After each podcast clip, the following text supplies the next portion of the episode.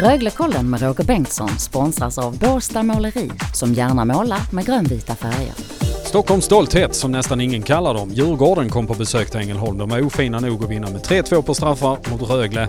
Hör allt om förlustmatchen i dagens Röglekoll.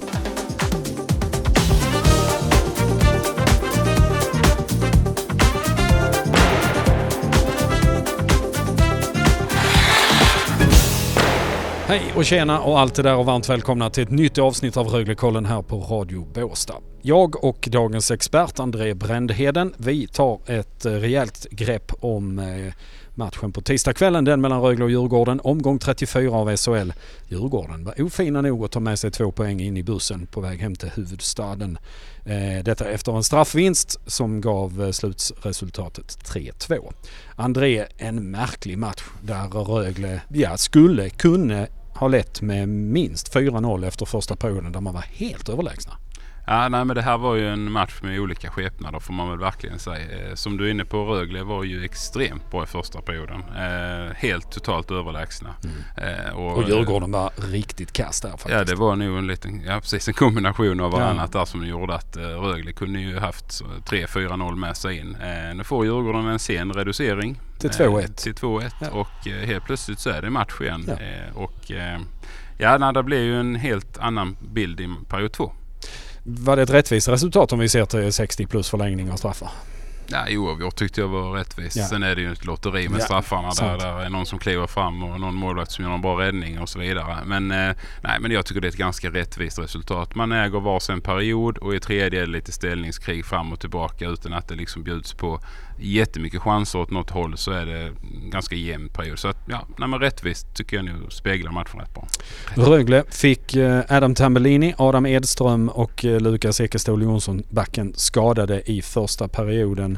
Hur mycket spelade det in, André? Eh, jag tror det spelade ganska mycket in. Eh, det blev väldigt rörigt i kedjekonstellationerna. Eh, man fick gå på spelare som inte är vana vid att få den istiden. Fick betydligt mer idag. Och det kan låta lite konstigt det där att men vadå, det är väl bara positivt mm. att få spela mm. mer. Men är man då van vid att ligga på en viss minutantal per match och helt plötsligt så fördubblas det så är det klart att då då kan det bli lite stumma ben och man kan få lite mjölksyra lite snabbt. Så att även om det är fotbollsproffs detta så har det faktiskt en liten eh, påverkan. Så att eh, jag tror det rörde ihop det lite för dem eh, och blivit för svårt för att hantera. sen kom man igång i tredje igen men andra perioden var väldigt rörig. En av dem som fick ta klivet in ganska högt upp i hierarkin, uh, unge uh, Rögle fostrade Linus Sjödin gjorde ju mål förra gången mot HV71 i lördags. Fick nu ta ett stort ansvar i andra linan med Sjöa och, och Anton Bengtsson och gjorde det riktigt bra. Jag skulle vilja säga tillsammans med Niklas Hansson så är han Rögles bästa den här kvällen. Ja, jag instämmer där helt och hållet. Jag tycker han var jätteduktig idag. Han är väldigt mogen i sitt spel. Bra värderingar hela tiden. Bra spelsinne. Läser mycket rätt hela vägen. Hade några fina framspelningar som mycket väl kunde blivit mål. Så att han var ju ett offensivt hot idag eh, och fick spela med lite spelare som har mer istid. Eh, så att eh, det var jätteroligt för honom att, att det gick så bra idag. Med hänsyn till de andra resultaten idag så gjorde det inte så mycket att Rögle bara tog en poäng som det blev ikväll. Eftersom eh, Frölunda förlorade och Luleå tappade två poäng hemma mot Skellefteå. Så summa summarum är att Rögles tabelläge, det vill säga överst, inte förändrades särskilt mycket. Du André, tusen tack för idag. Tack själv. Röglekollen tillbaka på fredag då jag och Torgny Löfgren snackar upp lördagens match mot Luleå. Dessförinnan så ska ju Rögle möta Djurgården borta under torsdagen.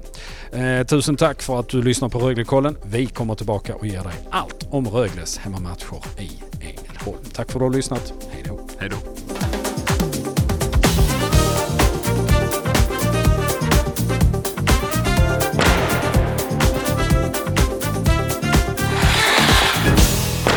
Du har hört Röglekollen som görs i samarbete med Båstad Måleri.